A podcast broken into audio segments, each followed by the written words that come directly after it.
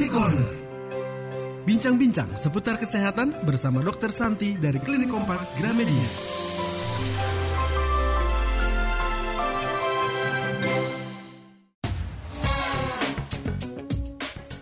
Halo, halo, selamat malam. Apa kabar teman-teman dan sahabat Sonora Network? Senang sekali malam hari ini ada Anton dan saya Anto hadir kembali di acara Health Corner dan tentunya bersama dengan Dr. Susanti dari Medical Center Kompas Gramedia yang sudah hadir malam hari ini. Halo, selamat malam Dr. Santi. Halo, selamat malam Mas Anto. Selamat malam Mas Nggak ada Fidel ya. Anton, Lupa.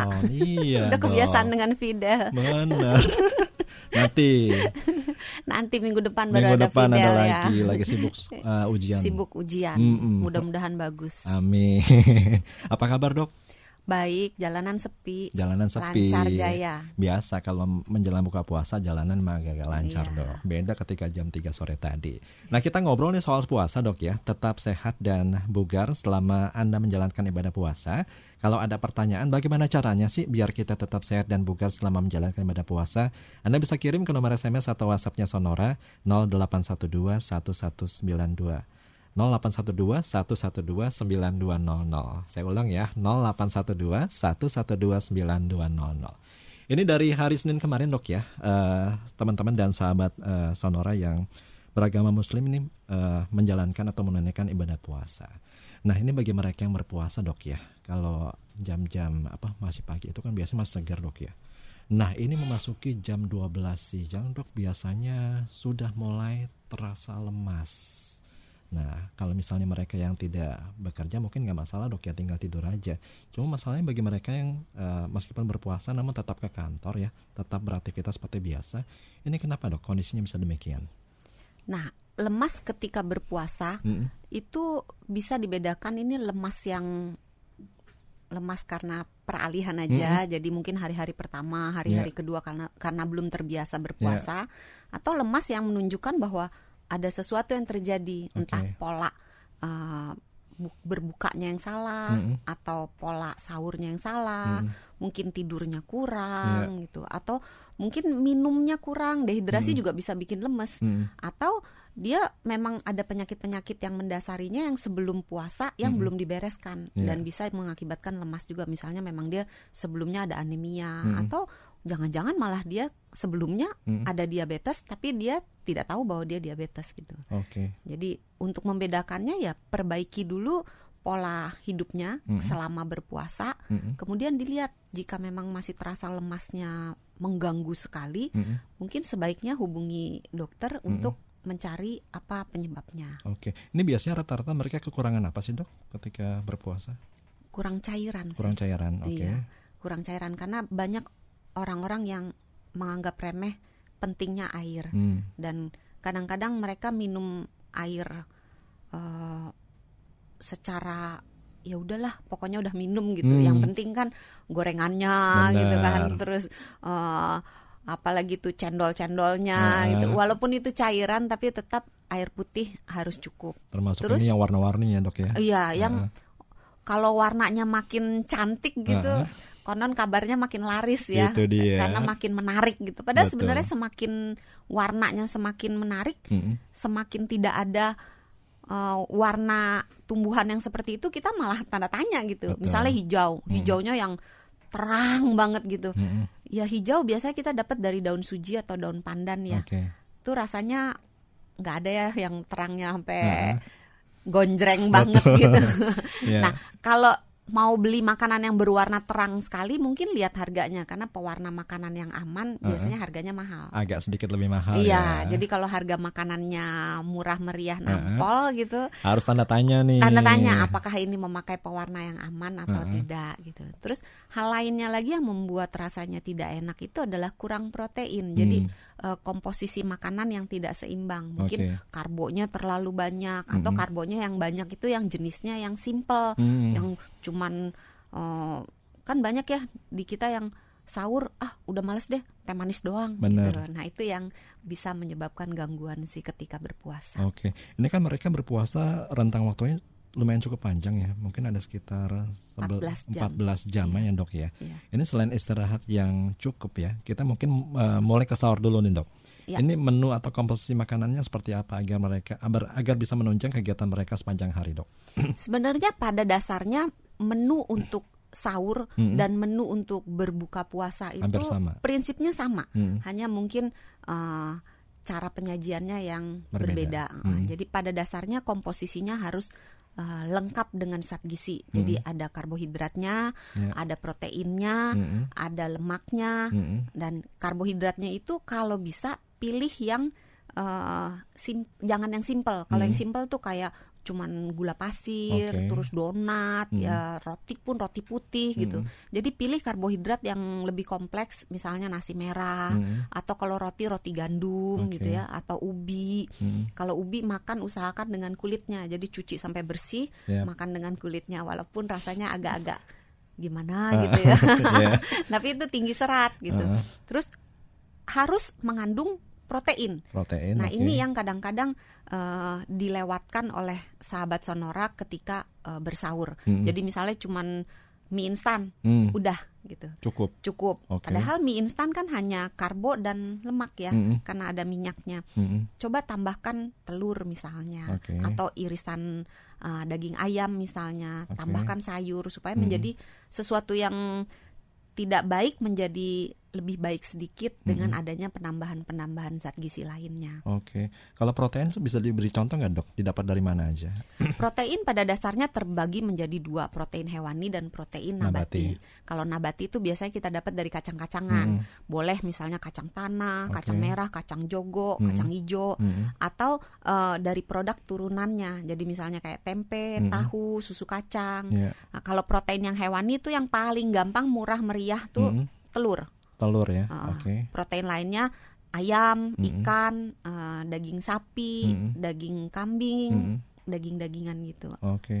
Cuma ya banyak ini ya, banyak variasinya ya. Iya. Karena kan gak harus mahal dong.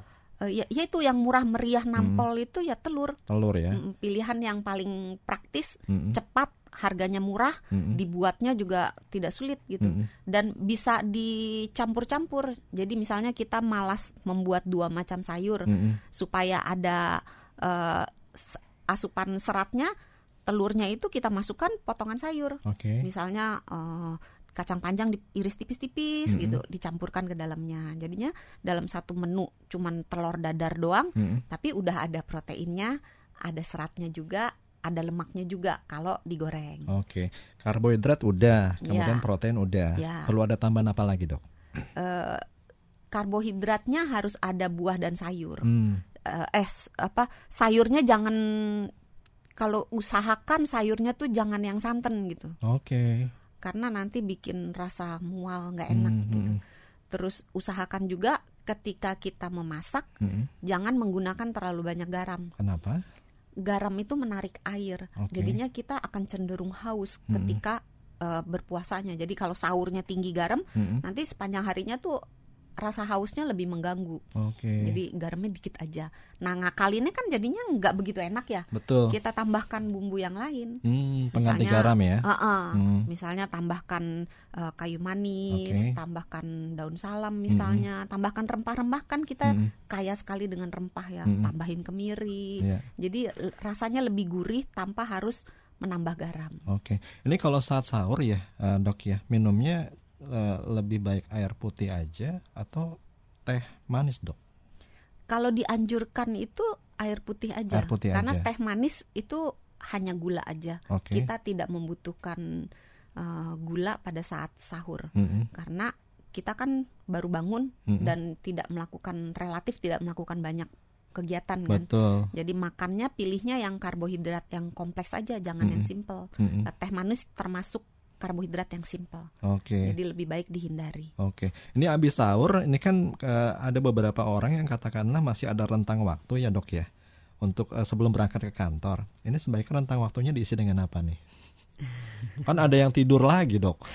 Tidur juga tanggung kali sebentar oh, lagi kan udah subuh ya, tapi yeah. boleh sih kalau mau tidur. Mm -hmm. Cuma kalau untuk olahraga uh, agak kurang disarankan okay. karena kan itu harinya masih panjang, Betul. takutnya nanti haus, mm -hmm. lelah gitu. Mm -hmm. Tapi kalau memang sahabat sonora terbiasa untuk olahraga subuh dan tidak merasa terganggu, mm -hmm. silakan aja hanya intensitasnya mungkin diturunkan. Betul. Jadi lebih ringan yeah. olahraganya dan uh, lamanya berolahraga diturunkan jadi agak lebih sebentar gitu okay. supaya tidak mengganggu uh, ketersediaan energi dan cairan dalam tubuh kita selama kita berpuasa. Jadi olahraga boleh asal durasinya diperhatikan, iya. termasuk intensitasnya dok ya? Intensitasnya diturunkan. Oke, jangan terlalu berat seperti biasa ya. Iya betul. Nanti batal puasanya. Benar.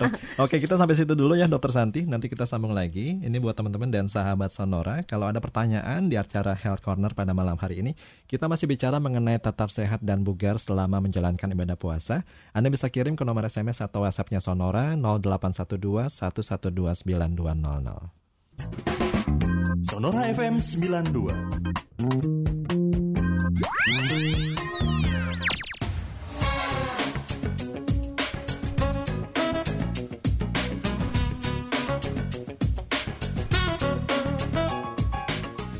Masih di acara Health Corner, masih ada Anton, saya Anton dan Dr. Santi dari Medical Center Kompas Gramedia. Kita masih bicara mengenai tetap, tetap sehat dan bugar selama menjalankan ibadah puasa. Buat teman-teman dan sahabat Sonora yang punya pertanyaan, bagaimana caranya sih agar tetap sehat dan bugar sementara di sisi lain tetap menjalankan ibadah puasa?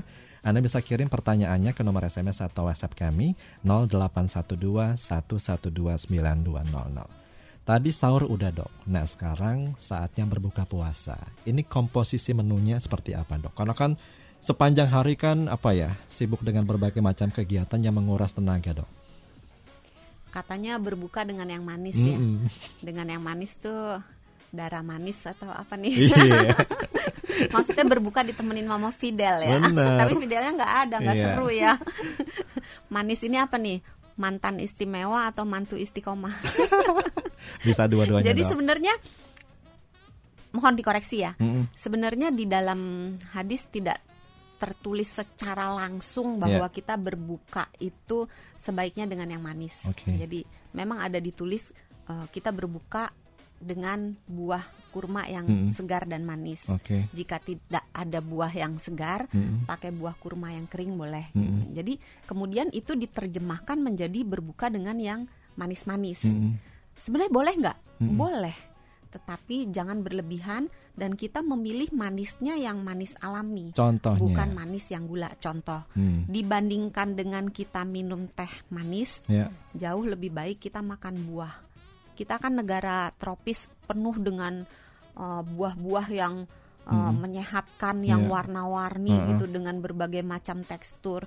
Kita bisa berbuka dengan misalnya buah semangka Semangka bagus ya. Uh, itu penuh dengan hmm. air kan, hmm. menyegarkan, yeah. manis. Gitu. Murah lagi dok ya. Murah meriah di mana-mana nyarinya gampang. Hmm. Atau berbuka dengan misalnya uh, apel hmm. gitu. Dan kurma juga rasanya di Jakarta di mana-mana mudah ya didapatkan. Betul. Jadi berbuka dengan kurma gitu. Hmm. Terus dengan segelas teh uh, uh, hangat gitu, hangat, okay. boleh.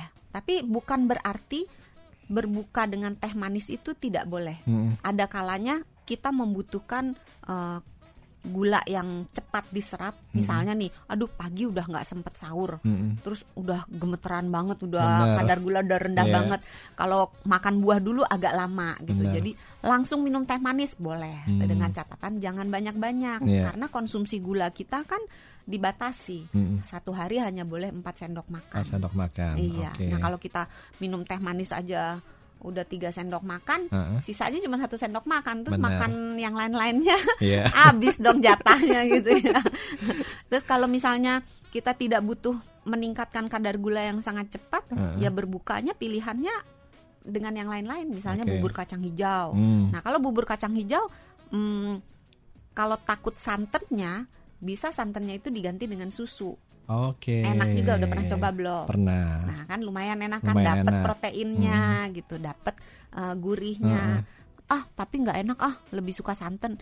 Ya mungkin uh, bikin sendiri hmm. karena santan itu kalau dipanaskan yeah. dia berubah menjadi asam lemak jenuhnya jadi tambah banyak. Okay. Jadi kalau mau bikin santan mm -hmm. supaya menjadi lebih sehat, mm -hmm. santannya itu bikinnya pakai air hangat. Iya. Jadi udah langsung selesai diperes, Mm-mm. udah langsung dimakan, jangan dipanasin lagi. Oke, jadi ini membatalkannya dengan menu yang simpel aja dulu ya. Iya. Sholat maghrib, terus baru menu Baru utama makan, ya. ah, ah. Nah, kan kadang ada orang yang ini dok, wah capek banget nih berpuasa udah gitu kerja langsung nasinya dua apa sampai dua piring segala macam.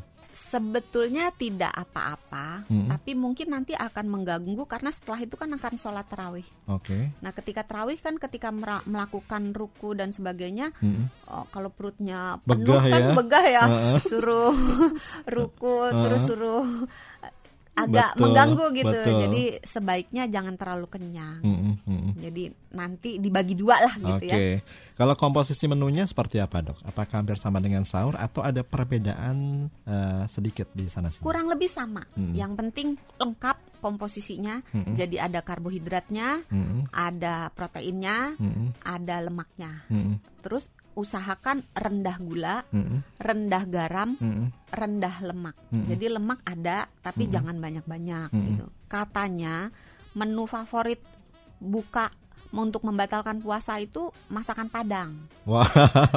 Ini berdasarkan survei dari eh, saya lupa dari mana. Bener nih biasanya ma- apa makanan pak Mampirnya- restoran Padang tuh rame banget Iya. Nah, ketika di eh, restoran Padang Heeh. bukan berarti nggak boleh, Iya. tapi memilih Eh, bijak memilih misalnya daripada milih gulai otak ya eh, milihnya ikan panggang Ikan panggang, gitu. oke. Iya, terus angus-angusnya dibuang Heeh. terus bumbunya jangan yang minyak-minyak Iya. dikit aja Heeh. gitu terus sayurnya yang banyak Iya. gitu terus kan itu kan ada lalapannya juga lalapannya yang banyak Iya. gitu Cuma nggak masalah ya.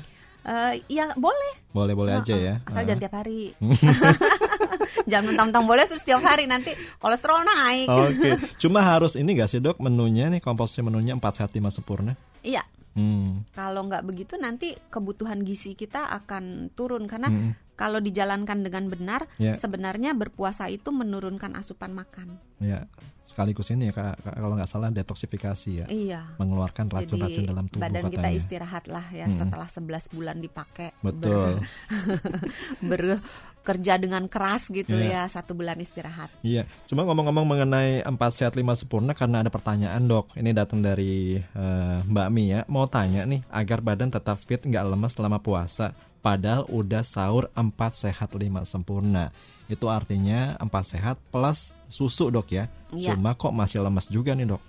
Nah, kalau masih lemes juga, dilihat makan 4 sehat 5 sempurna itu eh, misalnya karbohidratnya. Karbohidratnya itu terlalu banyak nggak? Hmm, oke. Kadang-kadang orang suka, aduh mau puasa nih. Bener Terus kayak makannya kayak satu dirapel setengah, gitu iya dok. dirapel. Iya makannya kan? satu setengah dari yang biasanya atau bahkan dua kali dari yang Iya, kan biasanya. aku nggak makan siang Kalau nih. kan nggak makan siang gitu, ditabung dulu. Kita kan Mm-mm. bukan unta ya.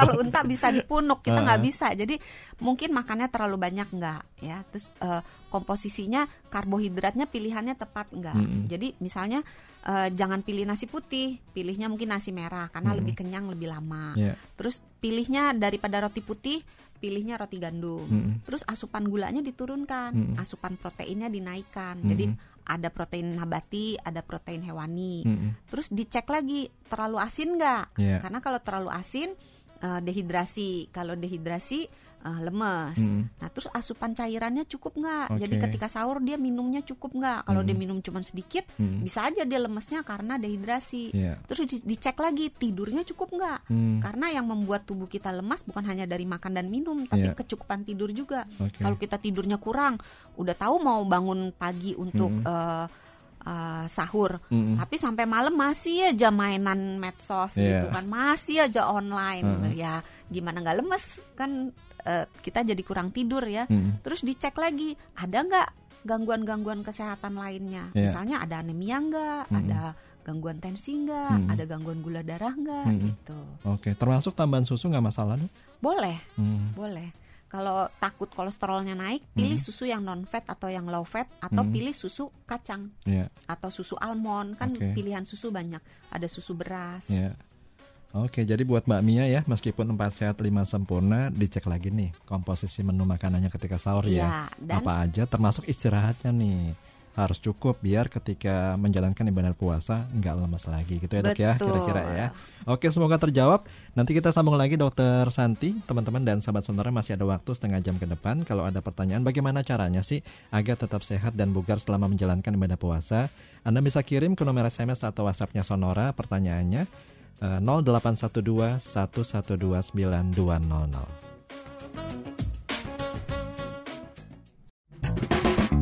Sonora FM 92.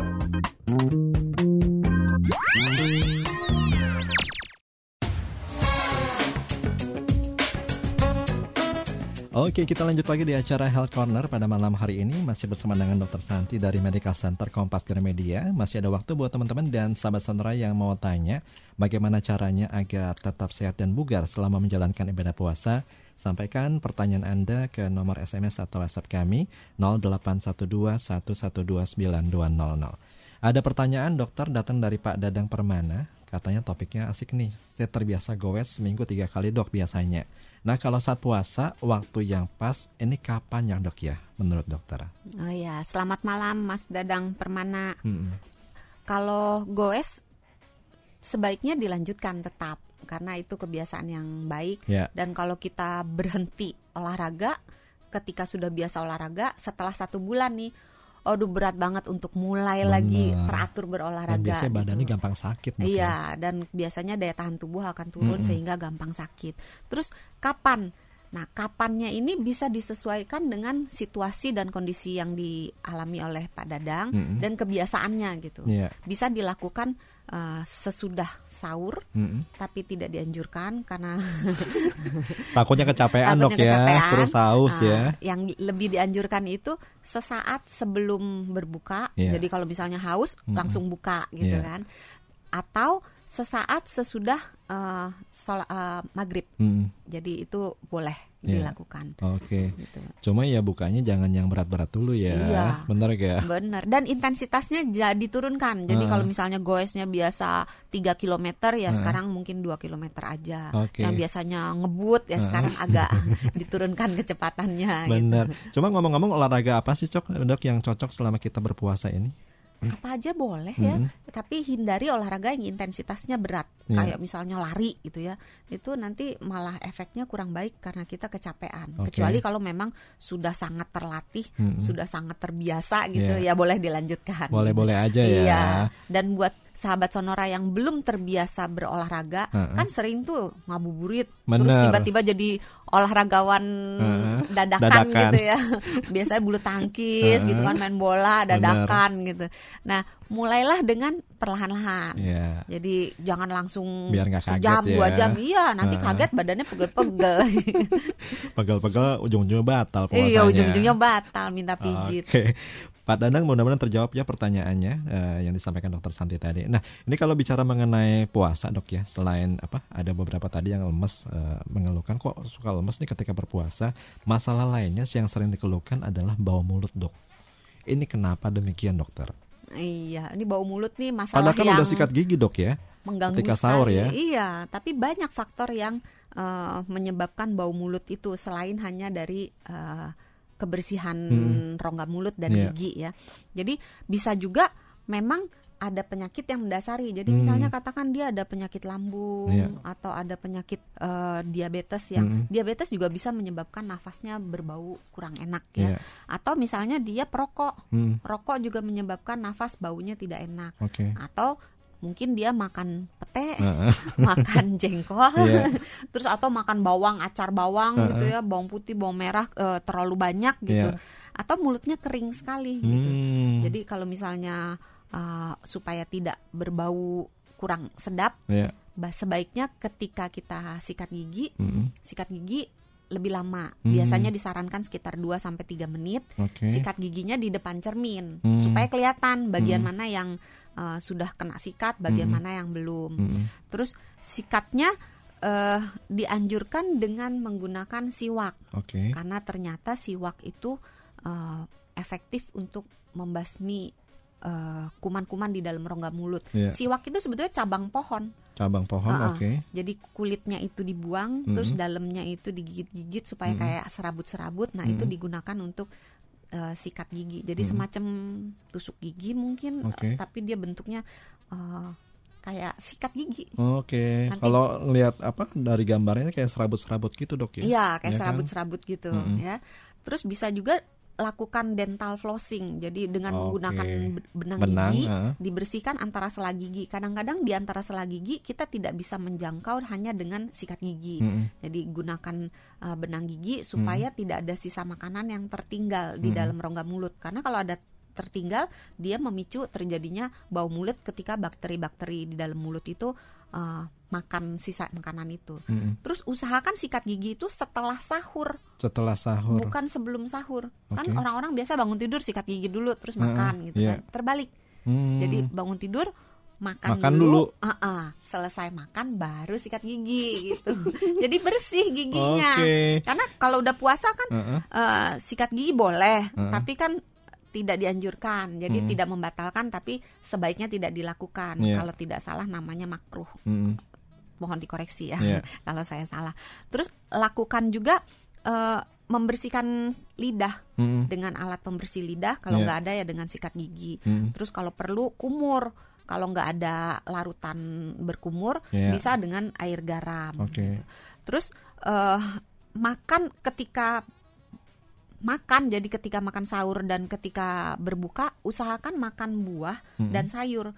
Karena ketika kita makan buah dan sayur, ketika kita mengunyah itu kita Mm-mm. memicu terjadinya pengeluaran ludah Mm-mm. sehingga membantu membasuh mulut Oke. dan dengan kita menggigit kegiatan menggigit itu kayak nyapu Oke, uh, sisa-sisa sisa makanan, di Hmm. gigi kita gitu. Hmm. Jadi makan sesuatu yang garing, Hmm. yang crunchy kayak Hmm. misalnya apel, Hmm. ya pir Iya. gitu supaya uh, lebih maksimal uh, proses sikat gigi dalam tanda kutip oleh Hmm. buah-buahan itu. Iya. Terus hindari makanan-makanan yang sifatnya lengket kayak misalnya biskuit, Iya. uh, roti itu Heeh. kalau dimakan kan lengket gitu Benar. ya. Jadi itu lengketnya itu kalau Hmm. kita sikat giginya kurang bersih bisa memicu terjadinya bau mulut. Mm-mm.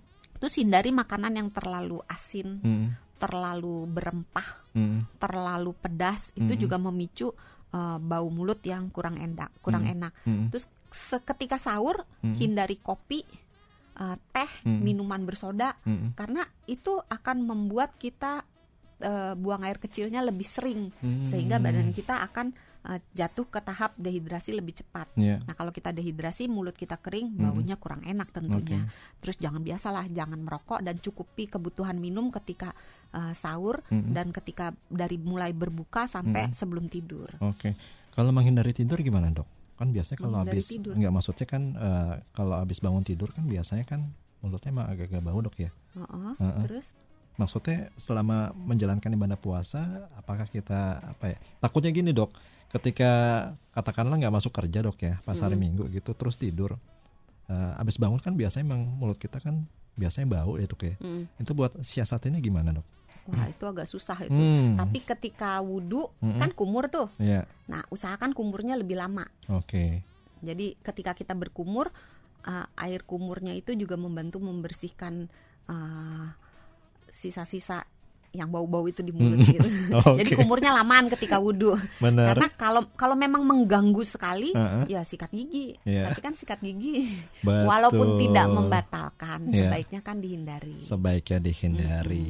Cuma yang nggak ada salahnya Mengurangi pahala soalnya. melakukan hal-hal yang disampaikan dokter Santi tadi. Yang mudah-mudahan Iya. bisa mengurangi bau mulut Anda selama menjalankan ibadah puasa. Nanti saya akan tanyakan dok bagi mereka penderita penyakit mah, apakah boleh menjalankan ibadah puasa? Kemudian tipsnya bagaimana?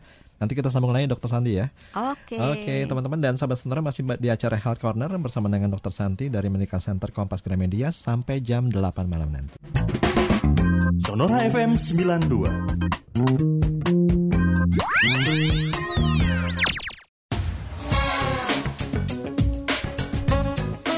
Baik, kita masuk di segmen yang terakhir di acara Health Corner malam hari ini masih bersama Dr. Santi dari Medical Center Kompas Gramedia. Ini bagi mereka yang tengah menjalankan ibadah puasa sementara dok ya, di sisi lain punya penyakit mah. Ini kan serba salah dok ya. Kalau misalnya saya mau puasa takut mahnya kambuh, sementara kalau nggak puasa kayaknya nggak afdol nih. Rugi Iya kan? banget ya Rugi pahala banget gitu ya. pahalanya nggak Iya. dapat dokter. Nah ini solusinya bagaimana dokter? Boleh nggak sih? Sebenarnya kalau memang dia ada sakit mah, Mm-mm. dianjurkan untuk konsultasi dulu ke dokter Oke. yang biasa merawat. Ya. Tapi pada pada dasarnya kalau sakit mahnya ringan, Mm-mm. itu biasanya oke-oke aja. Mm-mm. Malah ketika dia berpuasa malah sembuh.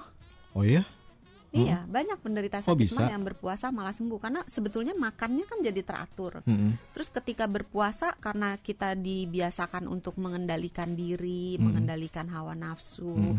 berarti stresnya akan turun. Terus Iya. dapat THR gitu kan. Oke. Jadi stresnya tuh turun ya. Mm-mm. Sehingga produksi asam Lambung. lambung, turun Oke. gitu. Cuma memang kalau dia sakit mahnya berat, Mm-mm. dianjurkan untuk eh, konsultasi dulu Hmm. karena eh, seberapa beratnya eh, harus dipertimbangkan jangan sampai nanti malah berpuasa Ya. tapi malah masuk rumah sakit misalnya Betul, jangan gitu kan sampai jangan sampai gitu. gitu nanti malah nggak bisa lebaran kan Mm-mm. jadi eh, terus untuk pengaturan makannya sedikit berbeda dengan orang yang sehat Oke. jadi pada pasien yang sakit mah yang ingin berpuasa Mm-mm. sebaiknya makan tuh dalam jumlah yang eh, tidak terlalu banyak Iya. karena kalau terlalu banyak nanti dia begah sakit perutnya terus makannya sedikit demi sedikit jangan Mm. dikagetin Mm. jadi kalau misalnya berbuka Mm-mm. buka puasa dikit dulu jangan langsung brok banyak gitu Iya. jadinya begah nggak enak terus hindari makanan-makanan yang sifatnya asam Asam. eh, pedes Mm-mm.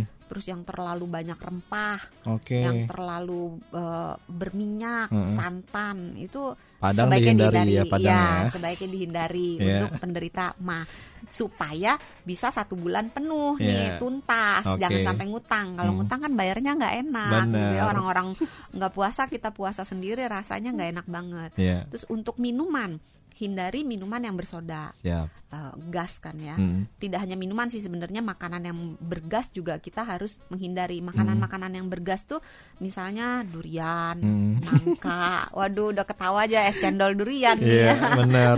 ya sebaiknya durian, jangan ya jangan pancake durian sebaiknya jangan itu Heeh. ya terus eh, sawi Iya. kol Mm. eh, Oh, kembang sawi nggak kol boleh ya? iya bergas Mm. gitu. gasnya itu nanti bikin perutnya nggak enak Iya. Ya terus minuman tadi selain minuman bersoda Heeh. hindari juga kopi Mm. karena kopi itu merangsang pembentukan asam lambung nanti Oke. perutnya nggak enak gitu. Oke, jadi yang nggak terlalu parah boleh menjalankan ibadah puasa dok ya. Iya, Cuma harus diperhatikan nih eh, makanan-makanan apa yang harus dihindari dan minuman apa yang harus dihindari. iya. Dan kalau habis makan Mm-mm. jangan langsung tiduran. Oke. Kalau orang normal tiduran mungkin oke ya. Heeh. Tapi kalau orang yang ada gangguan lambung, kalau dia tiduran eh, secara gravitasi makanannya itu bikin dia jadi begah nggak enak. Jadi Oke. kalau dia mau tiduran pun Heeh. ganjel kepalanya lebih Iya. tinggi gitu ya. Eh, Harus ada jeda ya berapa lama? iya, harus ada jeda. Baru tiduran. Itu Terus- penderita mah dok. Kalau penderita diabetes gimana? Nah, kalau diabetes tergantung. Hmm. Diabetesnya itu eh, jenis yang mana? Oke. Kalau misalnya dia diabetes pada umumnya diabetes tipe 1 tidak dianjurkan Tipe 1 nggak ah. dianjurkan. heeh. karena dia butuh insulin. Mm-mm. Jadi lebih eh, sulit. Tapi jika penderita diabetes tipe 1 ingin berpuasa, Mm-mm. dianjurkan untuk konsultasi dulu ke dokter yang merawat dan dipersiapkan dulu gitu. Jadi nggak Iya. bisa tiba-tiba langsung puasa. Mm-mm. Terus kalau untuk tipe 2 dilihat lagi tipe 2-nya yang seperti apa. Mm-mm. Kalau dia tipe 2 tanpa penyakit penyerta, jadi Iya. hanya diabetes saja, nggak ada hipertensinya, nggak ada gangguan ginjalnya, dan minum obatnya apa diabetesnya itu terkendali dengan minum obat maupun hanya dengan diet aja, Mm-mm. dia tidak ada komplikasi apa-apa, HbA1c-nya kurang dari 7, Mm-mm. boleh puasa Oke. dengan catatan itu tadi ya pola makannya yang benar. Cuma kan Tapi- banyak yang manis-manis dok ya. Waduh. Bukan berarti tidak boleh, Heeh. tapi untuk penderita diabetes Heeh. manisnya tuh harus dihitung Oke. karena manis termasuk karbohidrat Hmm. asupan total karbohidratnya harus dihitung supaya Hmm. gulanya nggak langsung zet melonjak nanti malah bikin gangguan kesehatan Oke. tapi kalau diabetesnya itu HbA1c-nya agak tinggi Mm-mm. terus dia eh, terkontrol dengan obat minum Hmm. gitu tapi ada beberapa penyakit penyerta yang ringan Iya. ya mungkin ada kolesterol sedikit yang Hmm. berlebih Mm-mm. itu masih boleh berpuasa dengan catatan konsultasi dulu ke dokternya mengenai Iya. cara minum obatnya Mm-mm. karena beberapa obat itu beresiko menimbulkan keadaan yang namanya hipoglikemia jadi Hmm. gula darah turun mm, banyak gitu Mm-mm. di bawah normal Mm-mm. sehingga orangnya biasanya sebelum dia kolaps, sebelum dia pingsan, Iya. dia gemeter dulu, keringet dingin gitu Oke. ya, lemas, nggak lama kemudian pingsan itu Iya. dan itu eh, bisa fatal. Oke. Jadi untuk menghindari itu konsultasi ke dokternya. Nih obat mana diminumnya berapa kali dan kapan? mm. Karena ada obat yang mungkin perlu diganti yang tadinya pagi diganti ke malam misalnya mm. gitu ya. Terus kalau dia punya gangguan yang berat, misalnya dia ada gagal ginjal, jadi diabetes plus penyakit yang berat, yang Mm. lainnya yang berat-berat itu tidak dianjurkan untuk berpuasa. Mm. Kalau ngotot pengen puasa, Iya. eh, konsultasi ke dokternya dulu untuk ngakalinnya gimana. Mm, mm. Gitu. Ini kalau orang yang katakanlah sudah berusia lanjut dok ya, masih diperbolehkan nggak sih dok? Tergantung Atau apa yang harus fisiknya. diperhatikan? Lihat fisiknya. Mm, Kalau misalnya maaf kalau dia ber eh, punya penyakit Alzheimer misalnya. mm, mm. Kalau dia Alzheimernya berat tidak dianjurkan Oke, karena takutnya nanti dia lupa betul. eh, repot gitu kan. Mm, mm. Kalau lupa dia makan terus malah nggak apa-apa, tapi kalau dia lupa nggak makan terus menerus gitu Mm. malah eh, berbahaya. Jadi Iya. dinilai dulu kalau umurnya sudah lanjut mm, kesehatannya bagaimana, Mm. terus penyakit-penyakit dasarnya bagaimana, Mm, mm. terus eh, mentalnya bagaimana. Kalau Iya. semua oke, silahkan berpuasa. Oke. Nah, ini biasanya setelah berpuasa sebulan penuh ya, eh, ketika ngeliat timbangan bukannya turun dokter, malah naik berat badannya. Sedih ya, kayaknya udah hemat-hemat. gitu ya. Benar. Padahal kan puasanya tuh sehari penuh ya dok ya. Kok ngeliat timbangan ketika hari raya malah naik dokter? Ini Itu kenapa dok? dosanya di mana Heeh. gitu ya. Udah susah-susah sebulan malah Bener kan? nambah bukannya Iya. kurang gitu. Itu harus ngaca dulu. Hmm, Yang dimakan apa? Oke. Karena kadang-kadang orang ketika bulan puasa mengendalikan nafsu makannya itu hanya ketika berpuasa. Iya. Ketika eh, berbuka Heeh. itu langsung binal itu Iya. langsung tidak terkendali. Heeh. Nah, ada baiknya mungkin lebih bijaksana kalau kita mengendalikan makan itu sepanjang hari. Jadi Mm-mm. baik saat berbuka, baik Mm-mm. saat eh, sahur Iya. itu benar-benar mengendalikan. Kalau kita betul-betul mengendalikan jenis makanannya, Heeh. jumlah makanannya, Heeh. terus eh, jadwal kita makan tetap, Iya. maksudnya nggak jadi lima kali atau 10 kali Betul. gitu ya. Itu sebetulnya eh, secara teori harusnya berat badannya turun. Jadi kalau tidak turun ada sesuatu yang salah. Lihat sahurnya gimana, Iya. bukanya gimana, Mm-mm. sebelum tidurnya gimana, Iya. olahraganya gimana. Jangan-jangan Oke. yang biasanya dia bi- olahraga terus sekarang aduh lemes, Iya. terus berhenti olahraga. Nah, Heeh. itu kan menambah kalori. Jadi Betul. kalorinya nggak dibakar gitu kan, Betul. numpuk kan. Nah, Iya. numpuk bisa naik berat badannya. Termasuk ini mungkin ya jenis menu ya yang di hari biasa nggak ada, pas puasa malah ada dokter. Iya, Dan itu. makin banyak. tergantung menunya. Kalau menunya cuman timun suri, timun Hmm. nggak suri kan masalah. terkenal nih. Oke. Asal gulanya jangan banyak-banyak, sirupnya jangan banyak-banyak, Hmm. nggak masalah. Ya. Tapi kalau yang aneh-aneh, dilihat aja prinsipnya. Jangan terlalu banyak gula, Heeh. jangan terlalu banyak garam, Betul. jangan terlalu banyak lemak, Iya. tapi usahakan seratnya tinggi. Iya. Gitu. Oke. Jadi jangan sampai ketika hari kemenangan ya timbangannya makin Timbangannya naik. menang. Terus malah Bukan ini juga juga ini ngerembet ke penyakit-penyakit lainnya dok ya. Iya. Jangan sampai karena tujuan berpuasa adalah eh, agar berkah yang pertama, kemudian agar tubuh kita ya diharapkan semakin sehat, ya dok ya. sehat fisik, sehat psikis. Oke, ini nggak terasa waktu kita hampir habis, Dokter Santi. Mungkin dokter di akhir acara bisa memberikan tips nih buat teman-teman dan sahabat Sonora agar tetap sehat, tetap bugar selama menjalankan ibadah puasa. Iya, berpuasa itu menyehatkan fisik dan psikis kita. Hmm. Kalau kita menjalankannya sesuai dengan kaidah-kaidah keagamaan Ya. dan diselaraskan dengan mm, nilai-nilai kesehatan Hmm. gitu. Terus asal kita berpegang pada prinsip-prinsip dasar Ya. seperti makannya tuh teratur dengan gizi yang seimbang, dengan jumlah yang cukup, terus cukup tidur, Mm-mm. cukup minum, Mm-mm. uh, cukup olahraga, cukup bergerak Iya. gitu ya, uh, kurangi stres, itu kita akan mendapatkan uh, badan yang sehat, bisa menjalankan ibadah puasa dengan tuntas. Syukur-syukur dapat bonus, Mm-mm. uh, berat badannya jadi ideal, Iya. jadi apa biola gitu ya. Terus nilai-nilai labnya misalnya nilai gula darahnya, Heeh. nilai kolesterolnya, nilai Makin asam bagus ya. uratnya makin bagus Iya. gitu. Itu bonus yang sangat luar biasa. Benar. Jadi itu yang harus diperhatikan ya teman-teman dan sahabat Sonora. Yang pertama komposisi menu, kemudian aktivitas fisiknya dok ya. Dan tidur. Dan tidur yang Jangan cukup lupa. Biar puasanya berkah, di sisi lain badan makin tetap sehat dan bugar. Betul sekali. Oke, Dokter Santi makasih banyak ya. Terima kasih, untuk selamat informasi. berpuasa untuk sahabat-sahabat Sonora. Oke, semoga berkah puasanya teman-teman dan sahabat Sonora. Terima kasih yang sudah bersama kita selama satu jam. Mudah-mudahan apa yang kita bicarakan bermanfaat. Anton dan saya Anto yang bertugas pamit. Kita akan ketemu lagi di acara yang sama pada hari Selasa minggu Ya. depan. Oke.